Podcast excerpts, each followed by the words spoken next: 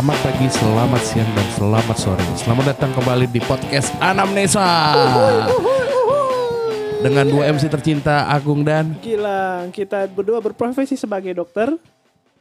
Jangan panjang-panjang lah ya. Oh ya udah. Iya, kita mencoba pendek-pendek. Di dalam podcast ini kita ngobrolin tentang isu-isu kesehatan utamanya ya. Anji. Eh, eh, eh, sebut Langsung lagi. disebut. Iya, Eh, lu sebut, mumpung lu sebut nih, gimana nih ceritanya lu? Itu ada ada update soal Anji. Gue lihat-lihat di Eh, artikel macam-macam. Terakhir sih ini ya apa ada teman-teman dokter kita, ada dokter Tirta, dokter Fajri, sama satu lagi dokter spesialis jantung tuh menghampiri eh, Mas Anji untuk apa ya ngobrol-ngobrol katanya. Forum tertutup katanya. Forum tertutup.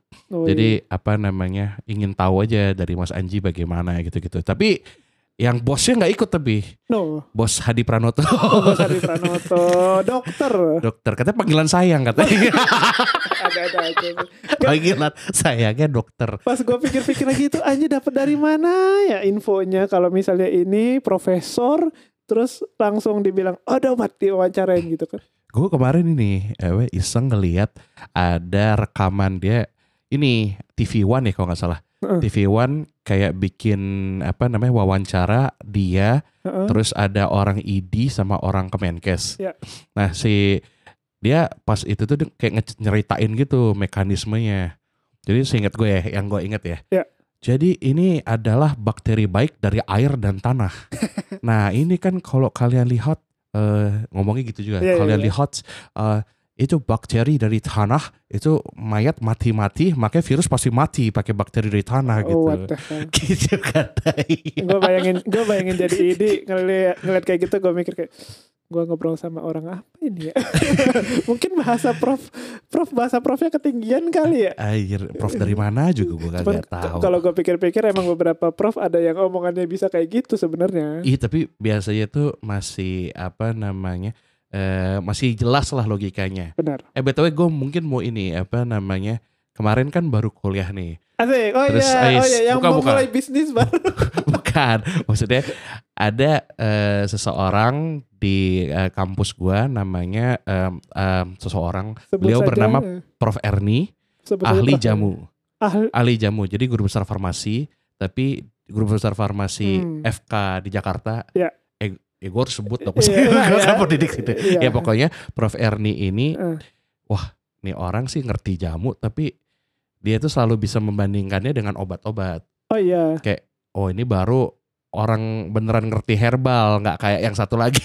oh, jadi dia, iya menarik ya berarti ini inform, istilahnya profnya ini walaupun dibilang ahli jamu bukan kayak ahli jamu yang kita bilang bat jualan jamu jadinya iya, dia bahkan bilang pertama gini, "Eh, obat herbal atau jamu itu memang bukan kuratif tapi promotif dan preventif dari Eh. awal. Terus dia kayak bilang, kamu tahu nggak eh, lengkuas tuh namanya apa? Nah lengkuas itu zat aktifnya apa aja? Nah zat aktif itu bedanya apa sama senyawa gitu kayak. Uh. Wih dalam nih. Terus eh, kamu masih ingat siklus Krebs gak? Hah? Oh, siklus keren. Kamu tahu nggak kalau steroid itu kerjanya di mana? Nah kita bandingin sama agen ini. Wah anjing pinter. Oh, iya, itulah. ya tapi gue mau shout out aja tuh orang pinter banget. Mestinya yang viral tuh di beliau bukan dokter Hadi. Eh, Bukan dokter Hadi Pranoto, profesor. Profesor kan itu profesor. PhD Aduh, mikrobiologi. keren keren keren. Ya, keren. itu tapi itu udah didepak sama IPB kan? Emang dia lulusan IPB? Enggak, kalau nggak salah dia nyebutnya dia lulusan IPB. Oh. Terus? Ternyata klarifikasi dari berita yang gue lihat, IPB itu bilang ada orang lulusan S3 apa S2. Ya pokoknya yang berhubungan sama itu kayak klaimnya si dokter Hadi ini ada lulusan namanya Hadi Pranoto, tapi orangnya beda. Hmm, ya bukan dia kali. Mem ya, ya, ya, jadinya dia dikecam ini ini rektornya bilang ini dia bukan lulusan kami. Eh, Lu, mau tau fakta nggak penting tapi ini nggak soal IPB? Apa? Kebanyakan lulusan IPB itu kerja di bank. Kenapa? itu nggak penting itu gue nggak ngerti sih tapi entah kenapa kayak gitu. Tapi bet- eh, ngomongin kerja di bank sebenarnya make sense juga sih karena memang kalau di luar eh, di luar eh, jurusan yang benar-benar profesinya terarah banget emang fleksibel sih arahnya ke mana kayak gue pernah wawancara bukan wawancara sih pernah diskusi pas gue SMA Di Sama- Tinder. bukan, bukan. lagi lagi lagi lomba ceritanya Oh lagi lomba. Oh terus serius. gue ke, kan ke ITB tuh SMA zaman IPB apa ITB? ITB ITB. ITB ke Ah. FMIPA AFB Pak. terus gue nanyain kan gua, gua kan minat banget sama matematik waktu Hmm. itu apa acara matematik terus sama Kayak orang-orang Jerome Pauline gitu. oh, siapa anjir? Oh lu gak tahu. Nggak tahu. Bukan youtuber Indonesia. ya. Bukan. Terus, terus, terus. terus gue nanya sama si panitianya dia kan S1 matematik gue Hmm. nanya nih prospek kerjanya jadi apa Guru. bukan Apa? pegawai bang Oh iya iya. Sama, iya, Bang. iya, Tapi iya, iya, iya. kalau dibilang ada apa lagi sih prospeknya hmm, agak bingung juga guru. Ya bisa tapi ya guru mungkin bimbel ya, atau guru ini biasa atau kerja apa jadi apa gue makanya dia nggak spesifik kan joki ujian. joki ujian Joki ujian. Eh, eh, eh. alamat yang nggak di nggak bisa diklarifikasi cuman Tapi ya itu pegawai bank itu apa namanya kan kerjanya tuh sebenarnya lumayan sibuk ya. oh benar Dia mungkin harus punya pola makan yang bagus. oh pola makan Hebat ya bridging ya. mantap Dari memang segue ini- yang smooth Sebut banget. Smooth. Dari pegawai bank terus ngomongin pola makan. Iya, apalagi kita mikirin pegawai bank itu yang sibuk dari jam 8 sampai jam 4. Ah, ah. Kita mesti konsen. Mungkin dia nggak ada waktu buat makan, tapi mungkin tuh dia menjala- menjalankan diet yang khusus. Betul, mungkin diet-diet khusus dan biasanya kan kalau pegawai bank kan biasanya pasti menengah ke atas lah ya. Iya, iya. Itu pasti banyak tren-tren diet yang diikuti. Oh benar. Nah hari ini kita akan membicarakan soal tren diet lanjutan dari saga diet kita. Yoi. Kita membicarakan soal metode diet yang lumayan eksis juga di samping keto, yaitu Intermittent fasting. yo intermittent fasting. Nah ini kita sebelum sebelum backgroundnya kita melihat dari sama sumber kita referensinya artikel Harvard tentang diet review intermittent fasting for weight loss. Hmm. Tapi ya ilmunya sih kita lumayan tahu tapi bukan artikel BSI, oh, bukan. BSI review gitu. Oh bukan, bukan. itu itu lebih itu bukan kita- karena BSI kan komputer Iya, ya, bukan. nggak mungkin bahas itulah ya. benar. Eh, tapi Ah, siapa ah. tahu mungkin AI programming. Iya, atau mungkin sudah buka Akbit juga kayak gitu. Akbit Akper gitu kan siapa tahu ya. Indonesia penelitian maju. Iya. Nah itu nih gue nanya nih ke Lugong. Intermittent fasting itu apa? Puasa, Cok. Sebenarnya nggak kalau yang gue baca ta- apa namanya di artikel tersebut antara puasa atau benar-benar kalori restriction Hmm. tapi di apa namanya di apa namanya di long selang-seling sama makan biasa. Bedanya apa puasa sama kalori restriction gue? Nah, kalau misalnya apa sebenarnya poinnya itu adalah lebih di selang-selingnya. Jadi ada selangnya. Eh gimana ya ngomongnya? Selang apa ya gimana ya? Jadi itu ada cycle yang gak steady, nggak monoton. ya. Ibarat kalau misalnya lu apa ya? Diet, misalnya yang kita sebutkan diet seimbang. Oh, lu makan Yes. pokoknya kalori lu segini. Ya. Terus-terusan kan. Heeh.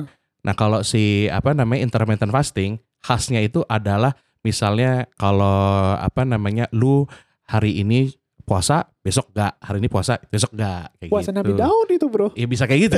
Bener. nah, jadi intinya tuh adalah uh, konsepnya tuh biar nggak bosan Hmm. gitu. Sama sih kayaknya berarti dia menekankan soal soal longevity-nya untuk kegiatannya. Jangan sampai Hmm. cuman sementara kan. Hmm, jadi apa dipromot karena nggak bosen, jadinya orang akan bertahan lebih lebih sering gitu lah ya. Karena argumen awal-awalnya gitu. Oke oke. Ini biasanya skemanya gimana sih Kung? Skema intermittent fasting. Nah, macam-macam ada tiga jenis lah. Asik. Pertama yang gue bilang puasa selang-seling. Puasa Nabi Puasa Daud. apa? Nabi Daud Nabi namanya. Daud. Gak ada di agama gue soalnya. iya, gue coba beda. jelasin Nabi Daud itu gimana. Nah, jadi puasa Nabi Daud itu eh, pola puasa di mana hari, satu hari puasa, besoknya enggak, besoknya Hmm, puasa, besoknya enggak. Jadi sehari sehari hmm, gitu. Sedangkan gitu. kalau kalau orang Islam sendiri ada juga Yang puasa lain. Senin Kemis. Benar, puasa Senin Kamis. Kemis. Terus kayak gitu. Nah, tuh? itu ada puasa selang-seling. Ya. Terus ada yang yang terkenal adalah metode 52. What? Nah, kalau metode Hmm? 52 tuh lu makan lima hari biasa, dua hari puasa atau dua hari cuman 25% kebutuhan kalori. Tar, tar, tar. Jadi jadi maksudnya seminggu dalam seminggu lima harinya makan biasa, dua hari puasa. Mm. Berurutan. Iya kayak gitu. Itu metode 52. Itu yang terkenal dari makan biasa dulu baru puasa gitulah. Oh, Jadi makan biasa tuh uh, dibikin lima hari atau empat hari. Jadi kan kalau yang tadi kan benar-benar selang satu, selang satu, selang satu puasa, selang satu enggak. Iya, ah. Kalau ini yang makan dulu apa? Maksudnya makan biasa lah sebenarnya, Iya, bukan iya. makan berlebihan. Terus habis itu baru puasain. Pokoknya ada dua hari dalam satu minggu yang Mm-mm. khusus puasa doang. Ah, itu ada bukunya 52 itu memang dari buku sesuatu gue juga lupa. Hmm, puasa Senin Kamis itu. Ya itu bisa juga sih. Bisa bisa. Terus apa lagi? Ah, selingin jam. Nah ini gimana? Nah, kalau selingin jam itu adalah misalnya lu benar-benar puasa 12 jam sehari gitu loh. Jadi nggak makan 12 jam terus baru. Habis itu baru makan. Heeh. Dan 12 itu biasanya lebih kalau yang gua dapat ada yang jam 8 sampai jam 3 tuh window lu makan atau 8 sampai 6 pokoknya nanti ada window lu nggak makan sama sekali. Oh benar-benar gue juga tahu tuh ada yang pernah gue nonton soal YouTube ya. Sebenarnya referensinya nggak jelas di YouTube begitu kan. Cuman referensi soal Untung ya, bukan TikTok ya. bukan TikTok bro, belum.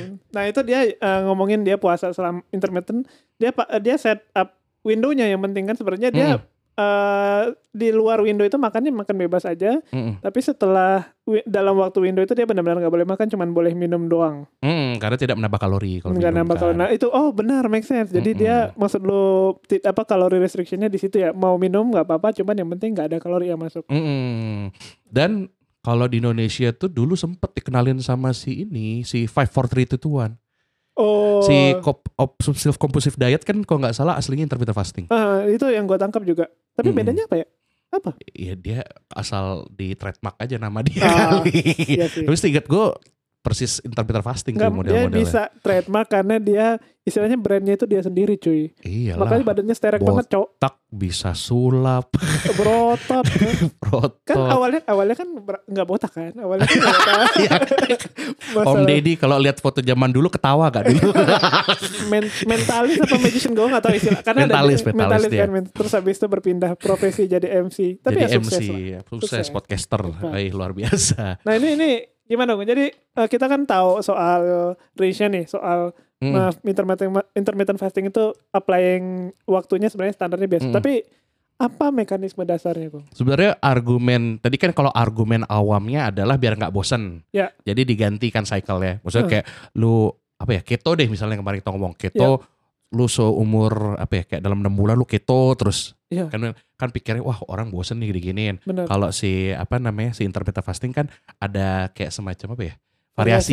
variasi, bikin orang bosen kira-kira gitu. Oke. Nah kalau argumen yang agak ilmiahnya prolong very low calorie diet akan bikin tubuh terbiasa. Eh, Jadinya penurunan berat badannya nggak akan signifikan kalau misalnya lu prolong, prolong terus. eh. Argumen ilmiah awalnya. Eh, itu gue pernah dengar. Jadi sebenarnya juga termasuk termasuk informasi diet yang dulu gue pernah baca. Hmm. Di mana kalau misalnya orang yang ada course diet yang menurunkan kalori inputnya, jadi dia makan selama berapa hari itu eh, kalorinya itu yang dimakan tuh di bawah kalori kalori Hmm. apa kebutuhan kalorinya Kebutuhannya. hariannya. Ah, Kalau misalnya dia eh, dalam seminggu dia masti ada semacam break day-nya, gue nggak tahu istilahnya. hmm, Di mana? cheat day mungkin day, bisa benar. ya. Hmm. Karena kalau misalnya terus-terusan kayak gitu, bukannya kita yang membakar membakar kalorinya terus-terusan, tapi tubuh kita beradaptasi supaya kalori kalori yang di yang dibakar lebih rendah. Mm-mm. Jadi mesti ada cheat day supaya istilahnya otak kita kepikiran, oh ini kalorinya sebenarnya normalnya segini nih yang tingginya. Mm-mm. Jadi turun terus naik, turun terus naik supaya nggak nggak nggak ada penurunan standar lah gitu istilahnya. Mm-mm. Terus saat fasting itu akan terjadi stres, lalu menimbulkan apa namanya men-trigger sel imun. Hubungannya Nah ya? ternyata sel imun itu katanya memperbaiki tubuh. Bu- em- em- Katanya gitu kalau kata artikel dan dicek di animal study meningkatkan lifespan dan mengimprove toleransi pada stres metabolik. Contohnya weight loss-nya Hmm. apa apa namanya glucose level katanya bagus di animal. Iya, walaupun ya make sense sih. Kalau kayaknya fasting itu dibilangnya sebagai EU stress. Iya, uh, eustress ya Benar ngomongnya. kan Iya, istilahnya? iya. Ada, Ada- eustress di stress. Di stress. Stres yang kita butuhkan. Heeh. Kalau Mm-mm. nggak stres, kita nggak tahu namanya itu. Nggak bisa membandingkan Mm. kualitas hidup yang bagus dengan yang jelek. Boleh, boleh, boleh. Boleh. Cuma itu kan teori terus ditaruh ke animal. Ya. Hasil di manusia bagaimana? Ya kalau lo mau yang jelaskan? Eh, ya udah Lu silakan. Soalnya gue yang buat sih Nggak rata-rata. apa-apa jadi ya. Ya mostly gue kan nggak terlalu tahu nih. Jadi kan concern pertamanya adalah adanya fase overeat pada saat hari makan biasa untuk compensate hari saat puasa. Oh, Jadi klasik, kayak bro. Apa ya namanya? Eh gue udah puasa berarti gue bisa hajar. Eh, kalap bro, kalap, buka Kalap. puasa. Nah, Faktanya bagaimana? Hmm. Jadi ada sebuah systematic review meng, yang mengecek 40 studi. Jadi kalau ada yang belum tahu systematic review, apa tuh, We? Systematic review adalah per- eh, perbandingan antara eh, artikel-artikel penelitian Mm-mm. dengan topik yang sama, di mana itu dianalisis terus ditarik kesimpulan dari beberapa, artikel itu. Betul, betul, betul. Dan ini yang kita dapat dari artikel Harvard, dia mention sebuah studi yang systematic review-nya itu isinya 40 studi. Terpercaya nggak bro? Ya itu dia, mestinya sih kita ngecek ulang lagi ya. ya, ya, kita kita Karena- blind trust aja lah. ya kita blind trust aja lah Harvard yang buat Harvard lo. bro. Bukan apa ya, misalnya kaskus gitu kan. Bukan Atau thread di Twitter gitu. ya, bukan predator dari Anji gitu. Toto, Toto duduk di pulau gitu kan. Tapi keren loh settingnya. Kayak di tengah-tengah jembatan gitu. Duduk. ya, ya, profesional, punya duit, tapi Ya, langsung dibully. Tapi ya itu bener kata Ewe bahwa sebenarnya tuh kita harus langsung baca uh, prime apa papernya kalau Ah. untuk mau tahu di appraise Benar-benar. gitu. Cuman karena kita terlalu malas dan Anda juga tidak ngerti kan caranya ya. Ya benar. Percaya aja. Ya, Kita- kayak kayak lu tahu apa yang kita omongin ya udah. Jadi intinya yang dibahas tuh yang di highlight adalah adanya drop out rate. Drop out rate tuh orang tahan nggak nih masih diet inilah Yes. gitu. Ternyata drop outnya itu nggak rendah juga. Nggak rendah tuh berarti lumayan yang nggak Hmm. tahan. Dan dibanding jenis lain tidak ada perbedaan bermakna. Kesimpulannya apa? Yang Kesimpulannya bahwa kan argumennya adalah diet ini variasi dan bikin orang gampang pakai. Iya. Kesimpulan itu jadi agak dipatahkan dengan kata-kata ini. Oh, berarti kalau gua tangkap eh, walaupun dari F- eh, dari teorinya kita anggap intermittent fasting itu mempertahankan untuk long term, Mm-mm. ternyata sebenarnya drop rate-nya itu sama-sama aja sama-sama dengan aja sama metode diet diet lain. lain. Kalau ini pakainya yang yang apa namanya calorie restriction all day, maksudnya all apa ya terus-terusan gitu oh lah. ya. Kalau ini kan variasi, kalau si intermittent. Oh, oke, tan- Gitu. dengan dibandingkan tanpa istirahat, tanpa Mm, break day. gitu tanpa kan. break day, tanpa cheat day gitu lah. Ah. apalagi nih, Kung? Terus diet kita- intermittent efektif menurunkan berat badan. Kalau nggak salah di studi itu tuh dalam waktu 7-8 minggu gitu. Tetapi ketika dibandingkan dengan diet lain tidak ada perbedaan signifikan. Oh gitu. Mm-mm. Tapi ya kalau gitu itu kayak kayak sebenarnya dibilangnya berarti intermittent fasting tuh nggak spesial. sebenarnya kita kan jatuhnya ke situ sitar lagi sih. Ntar lagi mau ngomong gitu. Ya, apalagi gue yang lo temukan gue. Nah, cuman jadi dari apa namanya trial-trial kan ada 40 st- studi nih. Ada yang masukin parameter appetite. Nah, tidak ada perubahan dari sisi appetite. Jadi kan kalau ngomongin yang overeating kan pasti ada mungkin mikirnya appetite-nya akan meningkat gara-gara ikutin apa interval fasting atau in appetite-nya menurun. Ternyata nggak ada perubahan juga. oh gitu. Jadi ya sama aja memperkuat yang tadi argumen yang drop out Hmm. gitu bahwa ya mungkin diet ini tidak spesial. Iya, nggak spesial. Jadi jadi kalau Terus satu lagi, apa lagi? Apa lagi? eh biar ada ini. Kalau tadi kan kita ngomongin systematic review. Ya. Sebenarnya systematic review oh sekalian bahasanya apa ya? Penjelasan ilmiah tentang apa beda systematic review. Ada yang uji klinis. Ya, kayak kita ngomong uji klinis Kok kan ngomong nyelip, ya. nyelipin topik ini ya, topik-topik berharga gitu. Biar kan? Did you nggak know? expert opinion aja. Iya. Gimana? dong? Jadi kita mau apa? ada semacam sekilas? uji klinis, Ya. randomized control trial Hmm. dengan 100 subjek. Nah, itu juga menyimpulkan eh, sama efektif buat turunin berat badan. Iya. Tapi malah angka drop outnya lebih tinggi dibanding diet lain. Oh gitu. Jadi dibandingkan gue simpulin pada kasus 100 eh, obese patient, eh. obese sample pada applying apa pada pada testing menggunakan beberapa metode diet, gua nggak tahu ya ini isinya. Beberapa Hmm. metode diet sebenarnya intermittent fasting itu punya drop out yang lebih tinggi. Iya, kopi di studi itu ya. Studi itu. Ah, ah, kita nggak menyimpulkan ininya, cuma kita ngasih bukti-bukti. Tapi ini disebut RC- RCT apa tuh? RCT. Hmm? Ya itu dia makanya orang kita baca artikelnya doang, kita nggak baca papernya. Iya, Itu jeleknya kita dan kita akui. iya nggak apa-apa. Ya, eh. Tapi ya namanya apa Udah namanya? bagus gue bikin podcast loh, astaga. ya, itu menarik ya. Jadi sebenarnya dari review yang di artikel ini dia disebutkan bahwa sebenarnya intermittent fasting itu not- Biasa aja. Iya, biasa bukan biasa. Ya technically maksudnya bukan Ya, bukan pilihan better diet lah. choice, bukan Ah. better choice. Apa itu same choice dibandingkan metode diet yang lain. Mm. Terus ini siapa sih yang nggak cocok sama ini? Sama jar- cara intermittent fasting? Yang suka ngemil. Ya, ya, ya, ya, ya, ya, ya lah. Yang suka ngemil gak cocok. Yang atau mungkin ini kali. Yang di mungkin kalau di Indonesia itu intermittent fasting itu lumayan terkenal karena kan kita pada Indonesia pada dasarnya terbiasa puasa. Ya mayoritas seorang Islam kan. Iya, ah. Jadi lumayan. Tapi mungkin kalau kita pindah ke mana ya? Eh, Vietnam atau mana yang uh, populasi muslimnya tidak banyak dan Iya. tidak ada budaya puasa, Heeh. mungkin agak susah. benar benar. Nah tapi ini kalau kita kan udah bahas nih kayak sebenarnya technically kita bahas negatifnya ini nih. Kayak Hmm. kemarin ternyata nggak terlalu spesial sama juga ada banyak populasi yang nggak cocok sama Hmm. intermittent fasting. Cuman gue pengen argue apa kayak Hmm. eh, sebagai angels advocate-nya. Ada ya Advocate Nggak ya ada. Nggak Karena- ada. Karena gue sebut devil's advocate kan bukan, kayak ini kan bukan. Gue pengen gue pengen mendukung eh, intermittent fasting dikit. good good cop bad cop. Iya, good cop bad cop. Nah, gue sebagai good copnya gue ngomongin sebenarnya intermittent fasting ini metode eh, fasting yang lumayan praktikal Mhm. karena ini kalau lu bayangin lu sebagai lu sebagai orang yang kerja kalau misalnya kerjanya nggak terlalu intens misalnya office work Mm-mm. Lu bisa aja langsung bilang pegawai bank. Pega- ya, pegawai, Pegawai bang. bank. Iya. Jadi lo bisa aja langsung eh, bilang gue mau pakai intermittent fasting ini dari window gue kerja.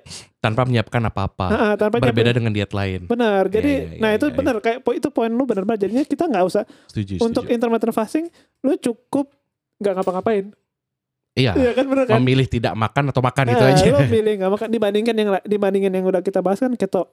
Keto Hmm. diet itu problemnya adalah lo mesti menjaga dietnya. Lo boleh makan kapan aja tapi problemnya nggak boleh makan spesifik. Minimal lu menyiapkan Iya benar, pasti ah. menyiapkan diet diet rata-rata menyiapkan. menyiapkan sesuatu kan. Kalau intermittent fasting itu nggak menyiapin apa-apa sebenarnya. Hmm. Jadi kayak lu kalau misalnya orang-orang yang mau simple, orang-orang yang nggak mau ngambil pusing, tekniknya interma- intermittent fasting itu Cocok. cocok. Pegawai bank. Pegawai bang.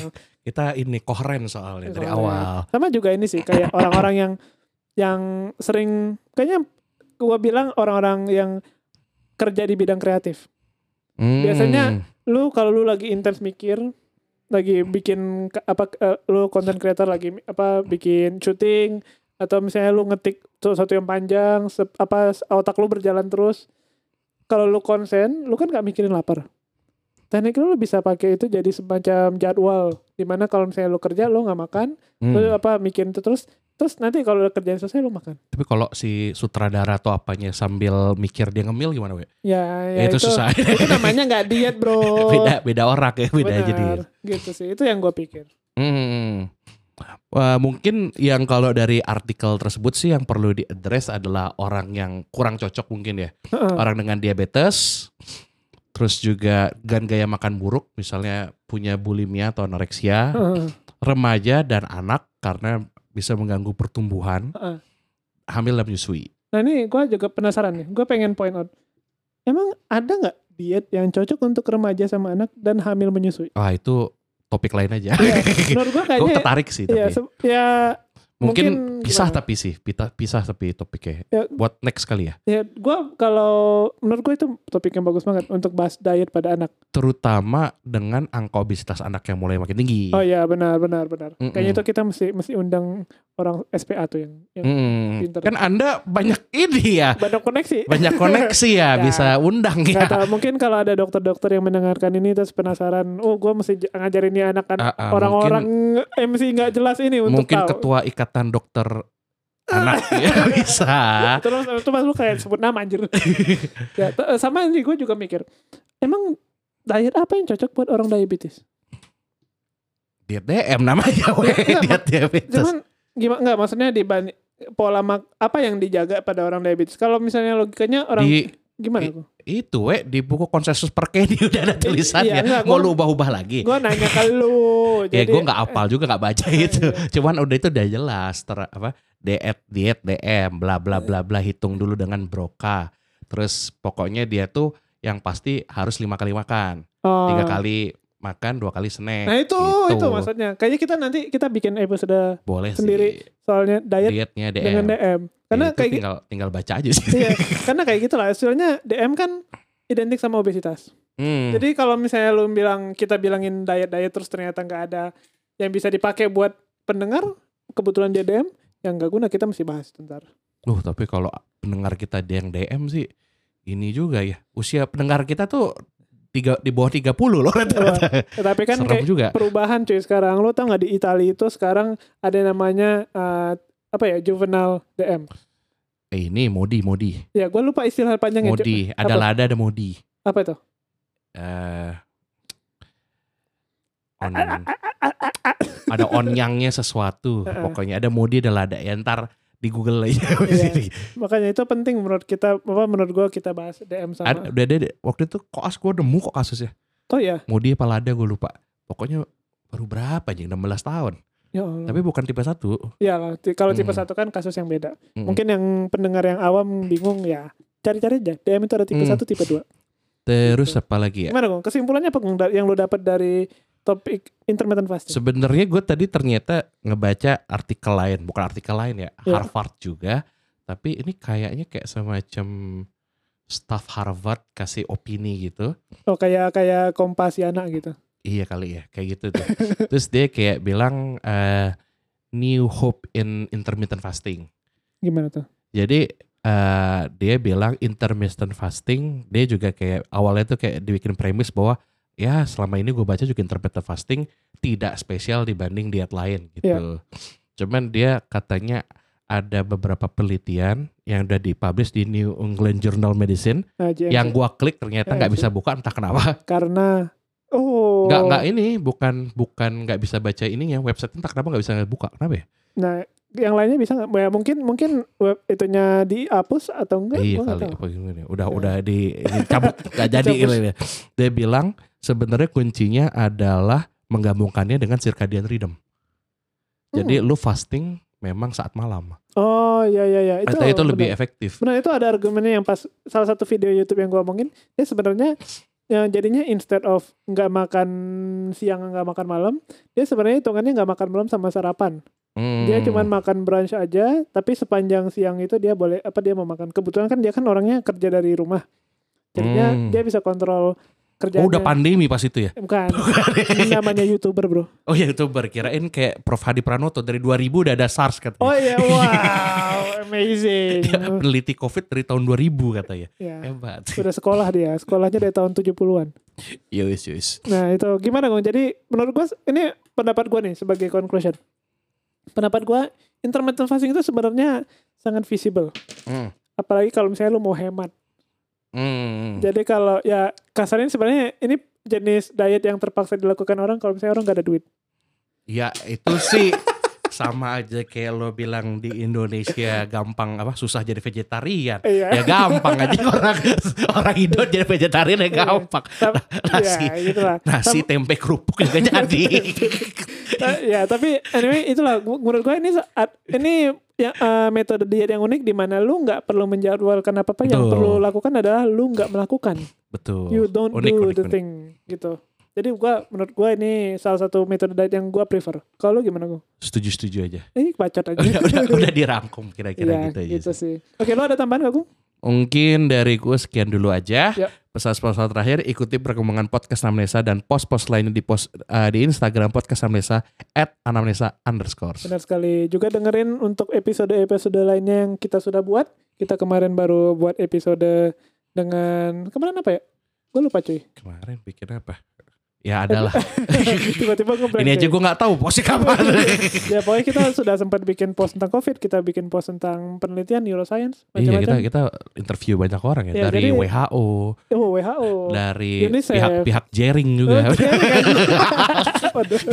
ya itulah topik-topik kita seru-seru tapi well, sering santai kadang berat tapi selalu seru di streaming service pilihan pendengar Oke, paling itu aja dulu. Sampai jumpa di obrolan selanjutnya. Gua Agung. dan gue bilang Selamat pagi, selamat siang dan selamat, sore. sore. Hey!